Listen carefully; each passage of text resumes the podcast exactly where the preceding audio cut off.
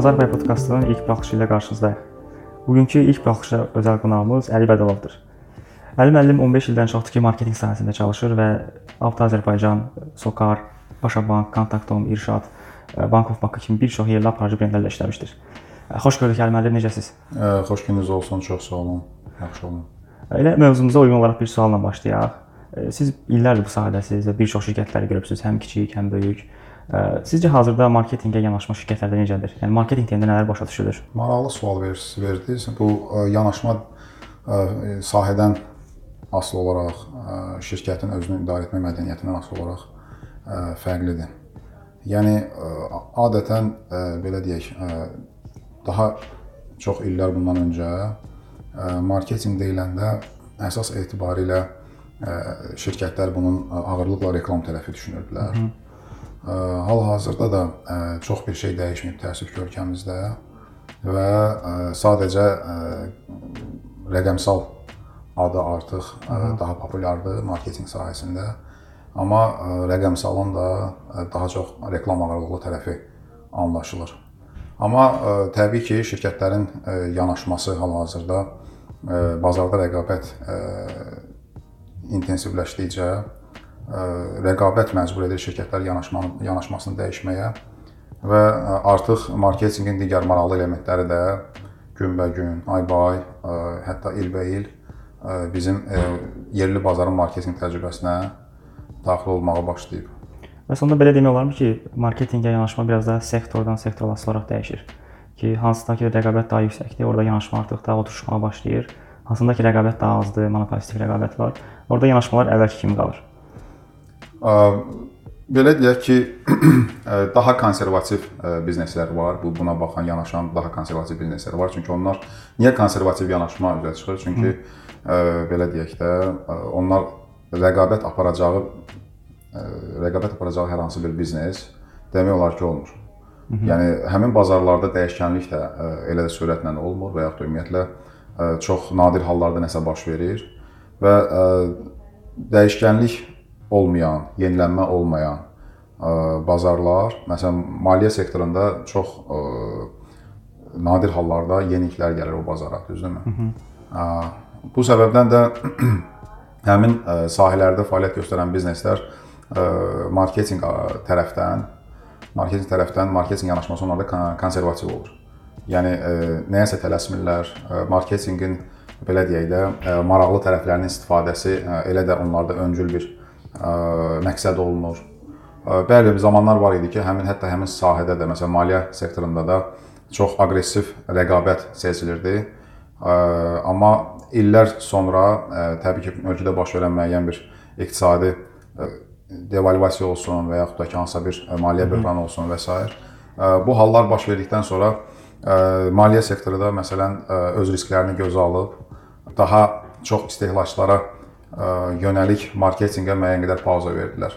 Ümumiyyətlə demək istəyərdim ki, bu tək sahədən deyil, şirkətin özünün də bir biznes fəlsəfəsindən asılıdır. Şirkətin hətta mən deyərdim, məşhur bir deyim var ki, şirkətin sahibkarı necədirsə, həmin şirkətin marketinqində elədir. Əgər şirkətin sahibkarı yeniliyə açıqdırsa, şirkətin rəhbərliyi belə iddialıdırsa bazarda pay tutmağa, Bu mədəniyyət, bu fəlsəfə, bu yanaşma, bu baxış şirkətin alt e, strukturlarına da e, yansıyır və istər-istəməz həmin strukturlardan, funksional strukturlardan biri də marketinq olduğuna görə e, marketinqdə şirkət, şirkət rəhbərinin, şirkət rəhbərliyinin baxışı ardıca daha düzgün fəaliyyət qura bilir. Amma sektoral olaraq, məsələn, qeyd etdiyiniz kimi rəqabət kəskin olan sektorlarda marketinq daha hər bir elementi ilə daha nizamlı istifadə edilirmi? Yox, bu yanaşma ilə e, bu fikirlə razılaşa bilmirəm. Nə üçün? Çünki e, elə aqressiv rəqabət olan sektorlar var ki, orada da ağırlıqla daha çox reklam tərəfi e, göz önünə alınır və mən hətta deyərdim ki, müasir marketinqdə və ümumiyyətlə həmişə sevə-sevə oxuduğumuz bir nümunələr var marketinqlə bağlı, xarici bazarlarda baş verən hallar və s. Onlar çünki zamanında artıq müəyyən bir nəticə çıxarıb əsas iki istiqamətdən daha doğru olanı seçirlər ki, uzaq perspektivdə Qeyd etdiyim iki istiqamətdə yeri gəlmişkən bazar yönümlü marketinq və ya da müştəri yönümlü, müştəri fokuslu marketinqdən söhbət gedir. Avropa şirkətləri kəskin rəqabət olan sahələrdə ələlxüsus müştəri yönümlü marketinqə üstünlük verirlər və onlar çox gözəl anlayırlar ki, uzun müddət bazar yönümlü yanaşma ilə fəaliyyət göstərmək mümkün deyil. O ki qaldı bazar yönümlü marketinq nə deməkdir? Yəni rəqiblərlə mütənasiblikdə, rəqiblərin hərəkətləri ilə mütənasiblik, mütənasiblikdə müəyyən bir marketinq fəaliyyətinin qurulmasıdır. Və inkişaf da əslində get-gedə müəyyən zamandan sonra dirənir.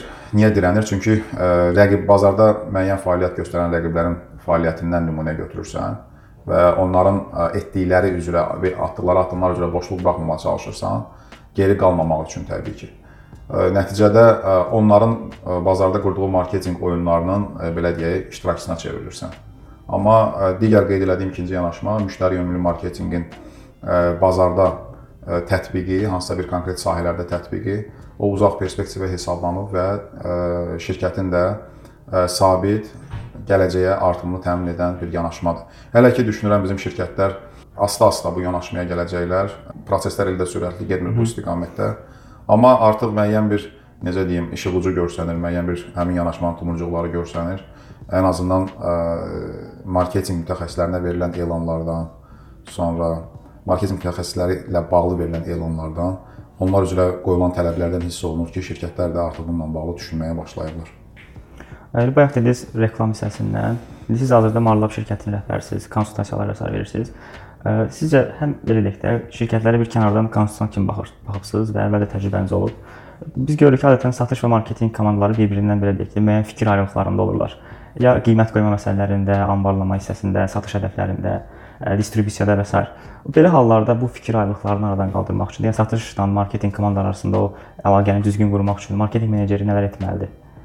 Təcrübəmdə dəfələrlə ə, olub ki, ə, özüm də bu hallarla mübarizə aparmışam. Ə, hətta belə deyərdim ki, sual verəcəyiniz ə, 10 marketinq mütəxəssisindən və ya rəhbərindən ə, əminəm ki, 9 9.5-ə hətta cavab verəcək ki, bu halı yaşayıram və ya yaşamışam. Tövsiyəm nə ola bilər menecerlərə? Ümumiyyətlə səbəblərə baxmaq lazımdır. Birinci növbədə tövsiyəni verməmişdən öncə. Səbəblər adətən nə olur? Hər bir hər iki funksional struktur çalışır ki, şirkətin uğuru üçün çalışır təbii ki və hər biri də çalışır ki, uğurda ən böyük payı pay olaraq öndə göstərsin. Əgər şirkətin sahibkarı, deyim, əgər şirkətin rəhbərliyi bu iki struktur arasında doğru uzlaşmanı qura bilirsə və ya bu iki struktur öz biznes proseslərini əməkdaşlıq platforması üzərində yarada bilirsə, problemlər yenə olur, amma daha az olur.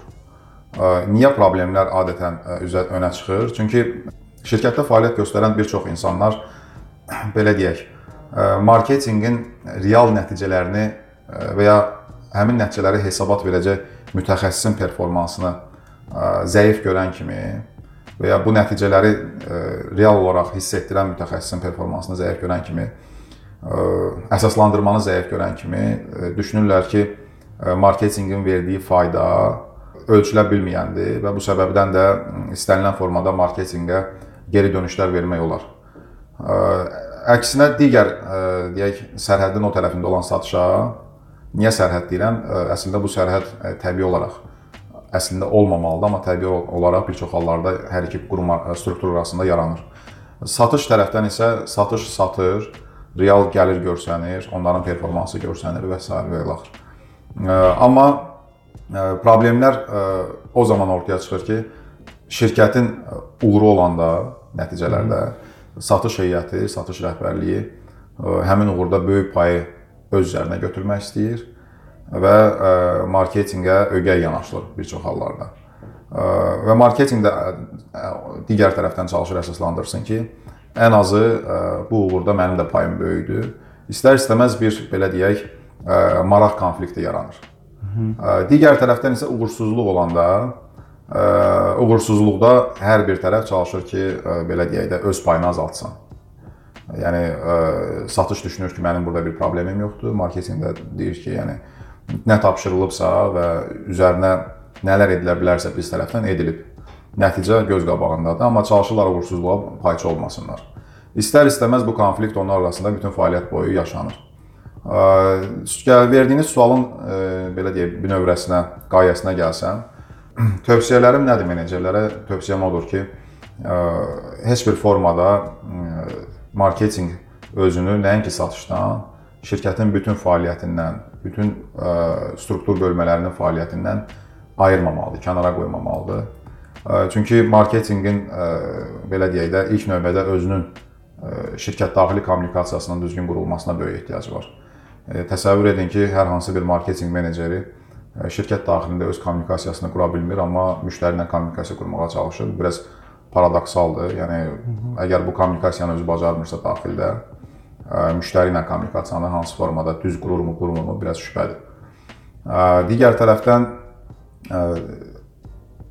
uğurda payçı deyil, uğurda payçı deyil, yanaşmanı dəyişmək lazımdır. Çalışmaq lazımdır ki, uğuru birlikdə əldə etməyə yönələsən. Yəni mənim hissəmdir deyə ayırmayasan nəyisə. Amma özünü həmin uğurda bir komanda üzvü kimi göstərməyə çalışmalısan. Bəzən olur ki, marketinq mütəxəssisləri özlərinin və marketinq rəhbərləri şirkət daxilində qurduğu fəaliyyət ilə bağlı kifayət qədər digər strukturları birlikləndirmirlər. Və digər strukturlara da məsələn onların fəaliyyəti qaranlıq qalır. Marketinq daha ögey bir e, evlad kimi müzakirə nəticəsində kənarda tez-tez qala bilər. Mən məsələn təcrübəmdə maksimum çalışırdım ki, marketinqin fəaliyyəti, mahiyyətindən tutmuş fəaliyyəti, istiqamətləri, funksiyaları ya bununla bağlı şirkət daxilində bölmələri mütəmadi məlumatlandırım ki, marketinqin belə deyək, marketinq nə iş görür sualı yaranmasın. Nə üçün görür bu işi və s. və ilaxır. Digər tərəfdən ələl xüsusda satış heyətini daha bilikləndirmək, daha məlumatlandırmaq ehtiyacı yaranır. Marketoloqlar bir qism olur ki, məsələn, rəhbərlər onlar daha kommunikasiya yönümlü, marketinq kommunikasiya yönümlü olur. Bir qism olur analitika yönümlü olur, bir qism isə olur bunların miksi çox az rast gəlinəndir. Bu səbəbdən məsələn satış yerli bazarda gördüyüm təcrübədən götürə bilərəm ki, elə şirkətlər olub ki, onlar ancaq sat ələl xüsusda satış daha çox kommunikasiya tərəfdən marketinqin rolunu ortaya qoyub, vacibliyini ortaya qoyub. Amma elə şirkətlər də olub ki, məsələn, təcrübədə çox az olub sayı, marketinq analitik xidmətlərinə daha böyük ehtiyacları olub. Və digər bir bəla da var ki, məsələn, satış tərəfdən marketinqin ortaya qoyduğu elmi əsaslı hansısa bir analitikanı, analitikaya etibar, yəni məlumatsız məlumatsızlıqdanmı irəli gəlir bu, yoxsa statistika və rəqəmlərə inamsızlıqdanmı irəli gəlir? Halbuki onlar hər bir şirkət daxili mütəxəssislər özləri də bilmədən hər gün müəyyən statistika, müəyyən tərəflərini istifadə edirlər. Elementar satışın proqnozlaşdırılması ilə bağlı marketinqə bir sifariş gedəndə elmi əsas üzərindən bunun hesablanması, hazırlanması, təqdim edilməsi yenə də satışın gözündə bir mücərrəd məna daşıyır. Yəni satış həmin rəqəmlərə, həmin hədəflərə daha az fikir verir. Mən düşünürəm ki, yəni marketinq rəhbəri maksimum edə biləcəyini etməlidir, cəhd etməlidir. Kommunikasiyanın qurulmasına tutmuş, satışın birlikləndirilməsidir, öz sahəsi ilə bağlı o istiqamətə diqqətin çəkilməsidir. Sonra satışın irəli sürdüyü kampaniyalarda iştirak nüfuzunun gücləndirilməsidir. Və təbii ki, belə deyək də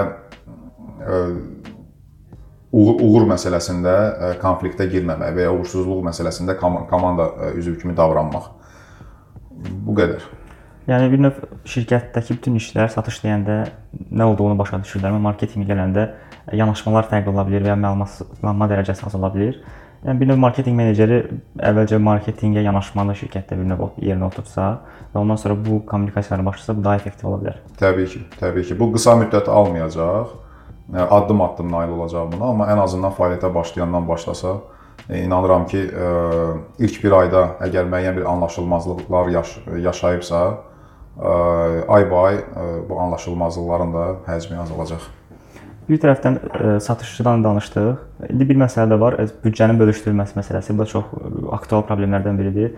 İstər maliyyə tərəfdən, istər rəhbərlik tərəfdən bəzən verilən büdcə və istənilən gözləntilər, nəticələr uyğunlaşmaya bilər. Bu halda sizcə marketinq meneceri ya da mütəxəssis nələr etməlidir? Bu etirazını necə bildirməlidir belə deyək? Büdcə məsələsi həmişə şirkətlərdə, ümumiyyətlə bizneslərdə fərq yoxdur hansı sahədə fəaliyyət göstərən bir biznes yaralı məqam olub. Yəni əsas məsələ məsələ odur ki, bilirsiniz, həmişə bu nəzəriyyədə də belədir, praktikada da marketinq təmsilçiləri çalışır şirkətləri inandırsın ki, yəni buna xərc maddəsi kimi baxmaq, əməliyyat xərci maddəsi kimi tək baxmaq düzgün deyil. Yəni marketinq marketinqə ayrılan büdcə şirkətin gələcəyinə investisiyadır. Mən bunu həmişə belə interpretasiya edirəm ki, şirkətin gələcəyi üçün investisiyadır. Yəni bunu bir əməliyyat xərci kimi görmək doğru deyil.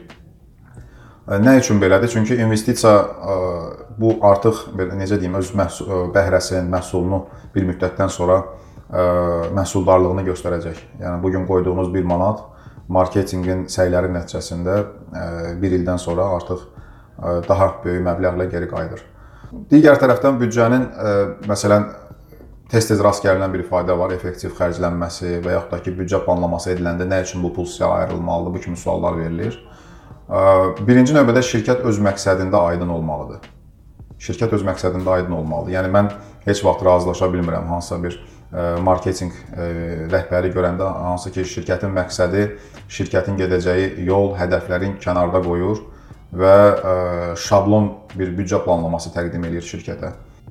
Soruşsanız sizdə necə olub? Məndə həmişə marketinqin büdcəsi planlananda çalışmışam özümdən üst rəhbər, əgər özümdən sahibkar deyil, özümdən üst rəhbər varsa, onun baxışını aydınlaşdırım.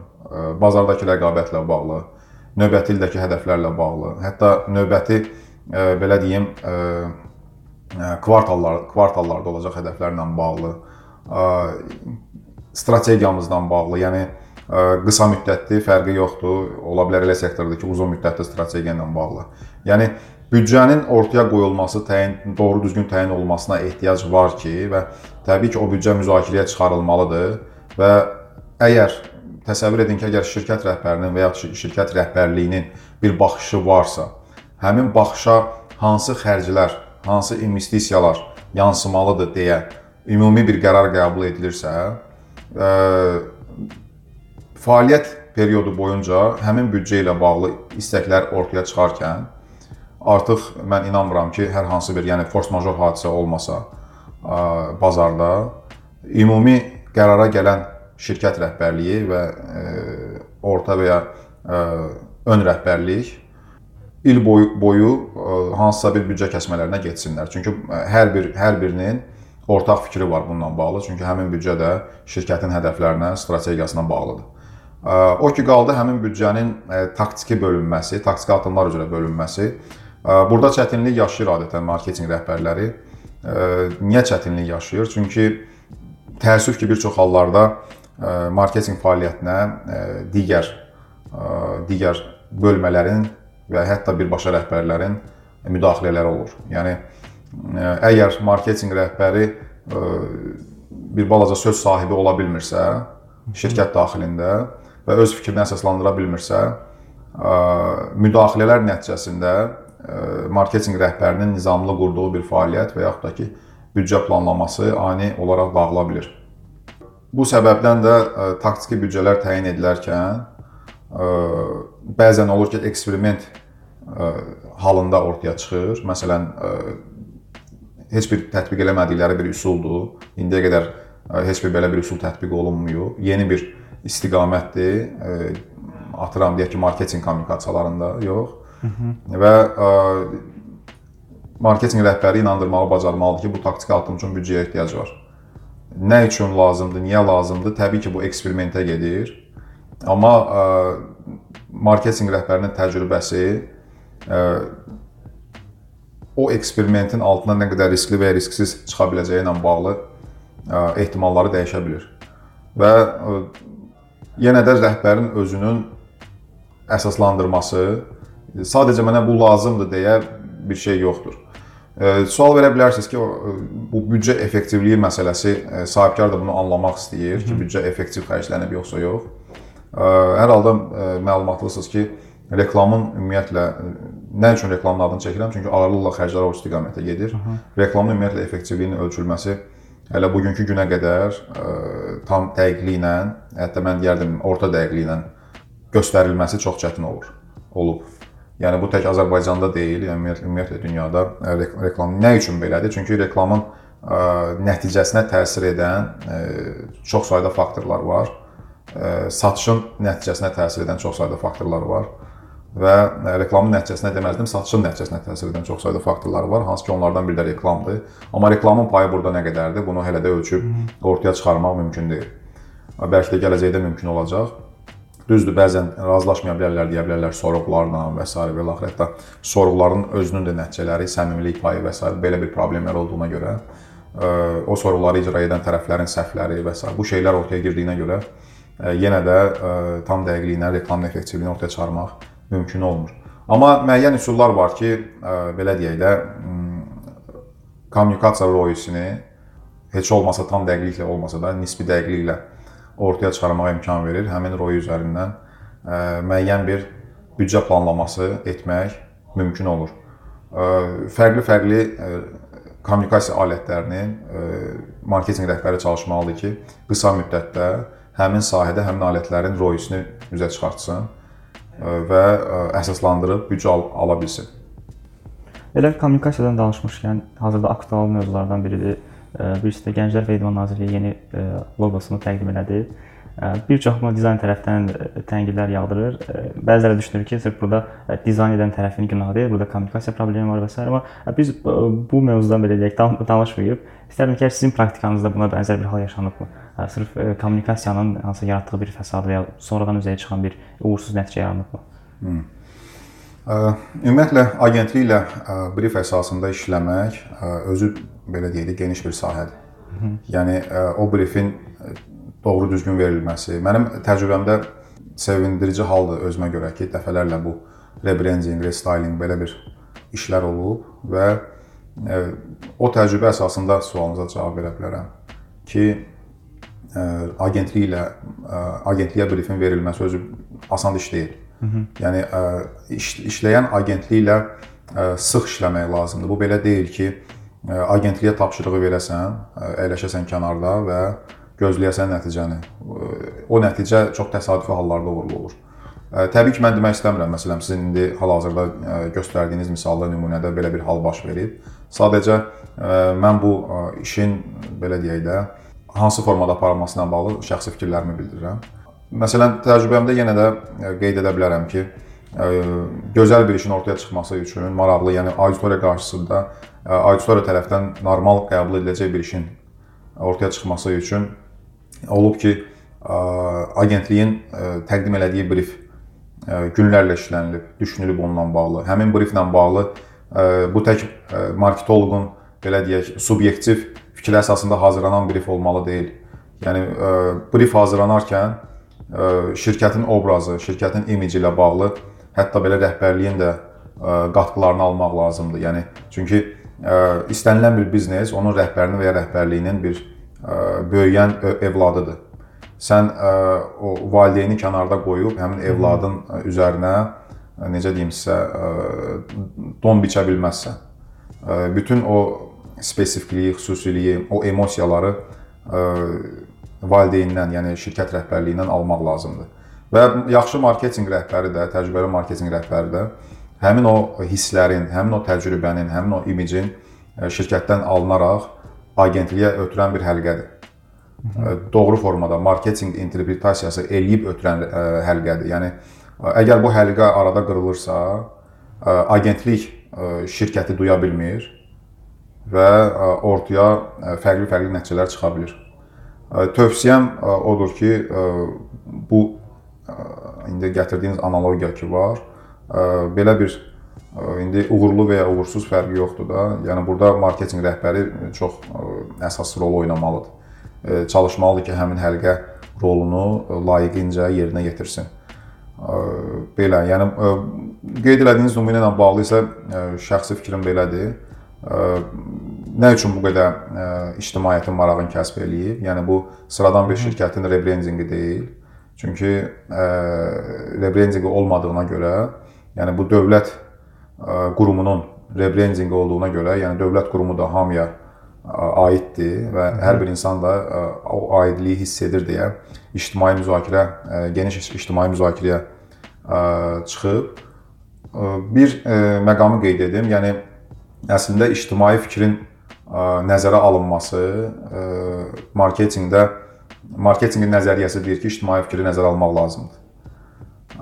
Amma ictimai fikri nəzərə alarkən məsələn elə mövzular var ki, orada ictimai fikir ola bilər ki, səhv yöndə istiqamət versin elə mövzular da var ki, yəni ictimai fikir belə deyək, fərqli insanların zövqləri zövq zövq ölçülə bilən bir şey deyil deyə. Fərqli insanların zövqləri mövcuddur və bu zövqlər əgər eyni işə doğru qiymət verə bilmirsə, yəni doğru iş kimi qiymət verə bilmirsə, demək ki, işdə müəyyən bir belə deyək də müəyyən bir bilmirəm, bəlkə element çatışmamazlıqları var və yaxud da ki, amma iş yaranan yaranarkən, yaranarkən orada iştirak edən ə, dizaynerin ə, özünün bir vision olur, bir baxışı olur.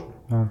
Özünün bir təxəyyülü olur bununla bağlı, yaratdığı işlə bağlı və həmin işin arxasında hekayə görür.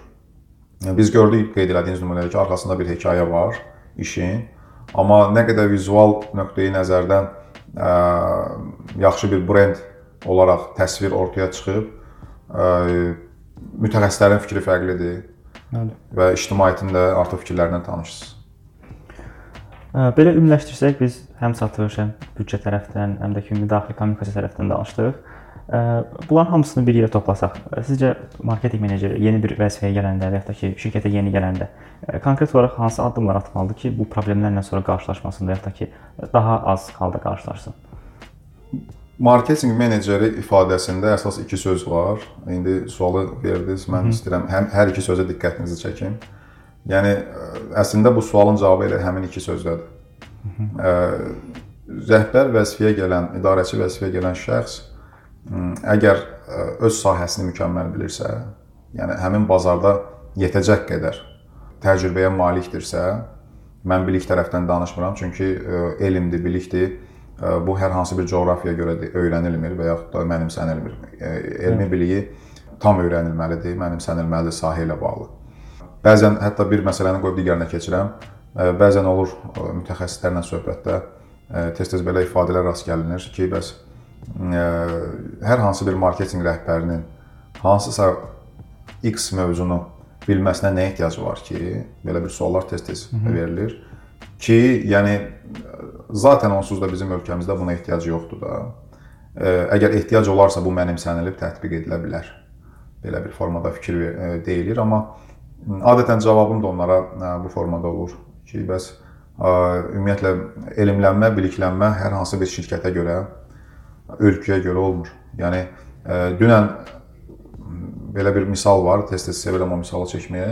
E, dünənlərdə e, yaxın keçmişdə mən hətta deyərdim təqribən bir 7-8 il bundan qabaq elementar Facebookda şirkət səhifəsinin yaradılması şirkətlərə qəribə gəlirdi. Elə hətta elə şirkətlər var idi ki, Facebookda şirkət səhifəsini yaratmağa yəni eyib kimi baxırdılar ki, orada bizim səhifənin olmağı bizim imicimizə yaraşmır. Yox. Hı. Amma illər sonra e, artıq özünüz, yəni 7-8 ildən sonra özünüz də şahidisiniz ki, e, rəqəmsal marketinqin sosial media tərəfi e, nə qədər keçilməz bir necə deyim, keçilməz bir alətlərdən birinə çevrilib və şirkətlər maksimum çalışır ki, hətta mən deyərdim, bugünkü gün şirkətlərin büdcələrinin hiss edilən hissəsi, bəzən vaxtda böyük hissəsi sosial şəbəkələrə yönəlir. Digər tərəfdən marketinq sahəsində biliklərinin güclü olması ilə bərabər, elminin güclü olması ilə bərabər marketinq rəhbəri əgər rəhbər menecer adı daşıyırsa, bir menecmentlə də bağlı müəyyən bir menecmentlə də bağlı müəyyən bir təcrübələrə, müəyyən bir biliklərə yiyələnməsi vacibdir. Bəzən bu iki söz olsa da insanlarda ya yaxşı marketoloq olur, bilikli marketoloq, ya taktik və yaxud da ki, təcrübi, tətbiqi işləyən insan olur bu sahədə. Amma yaxşı menecer olmur. Bəzən də əksi olur, yaxşı menecer olur.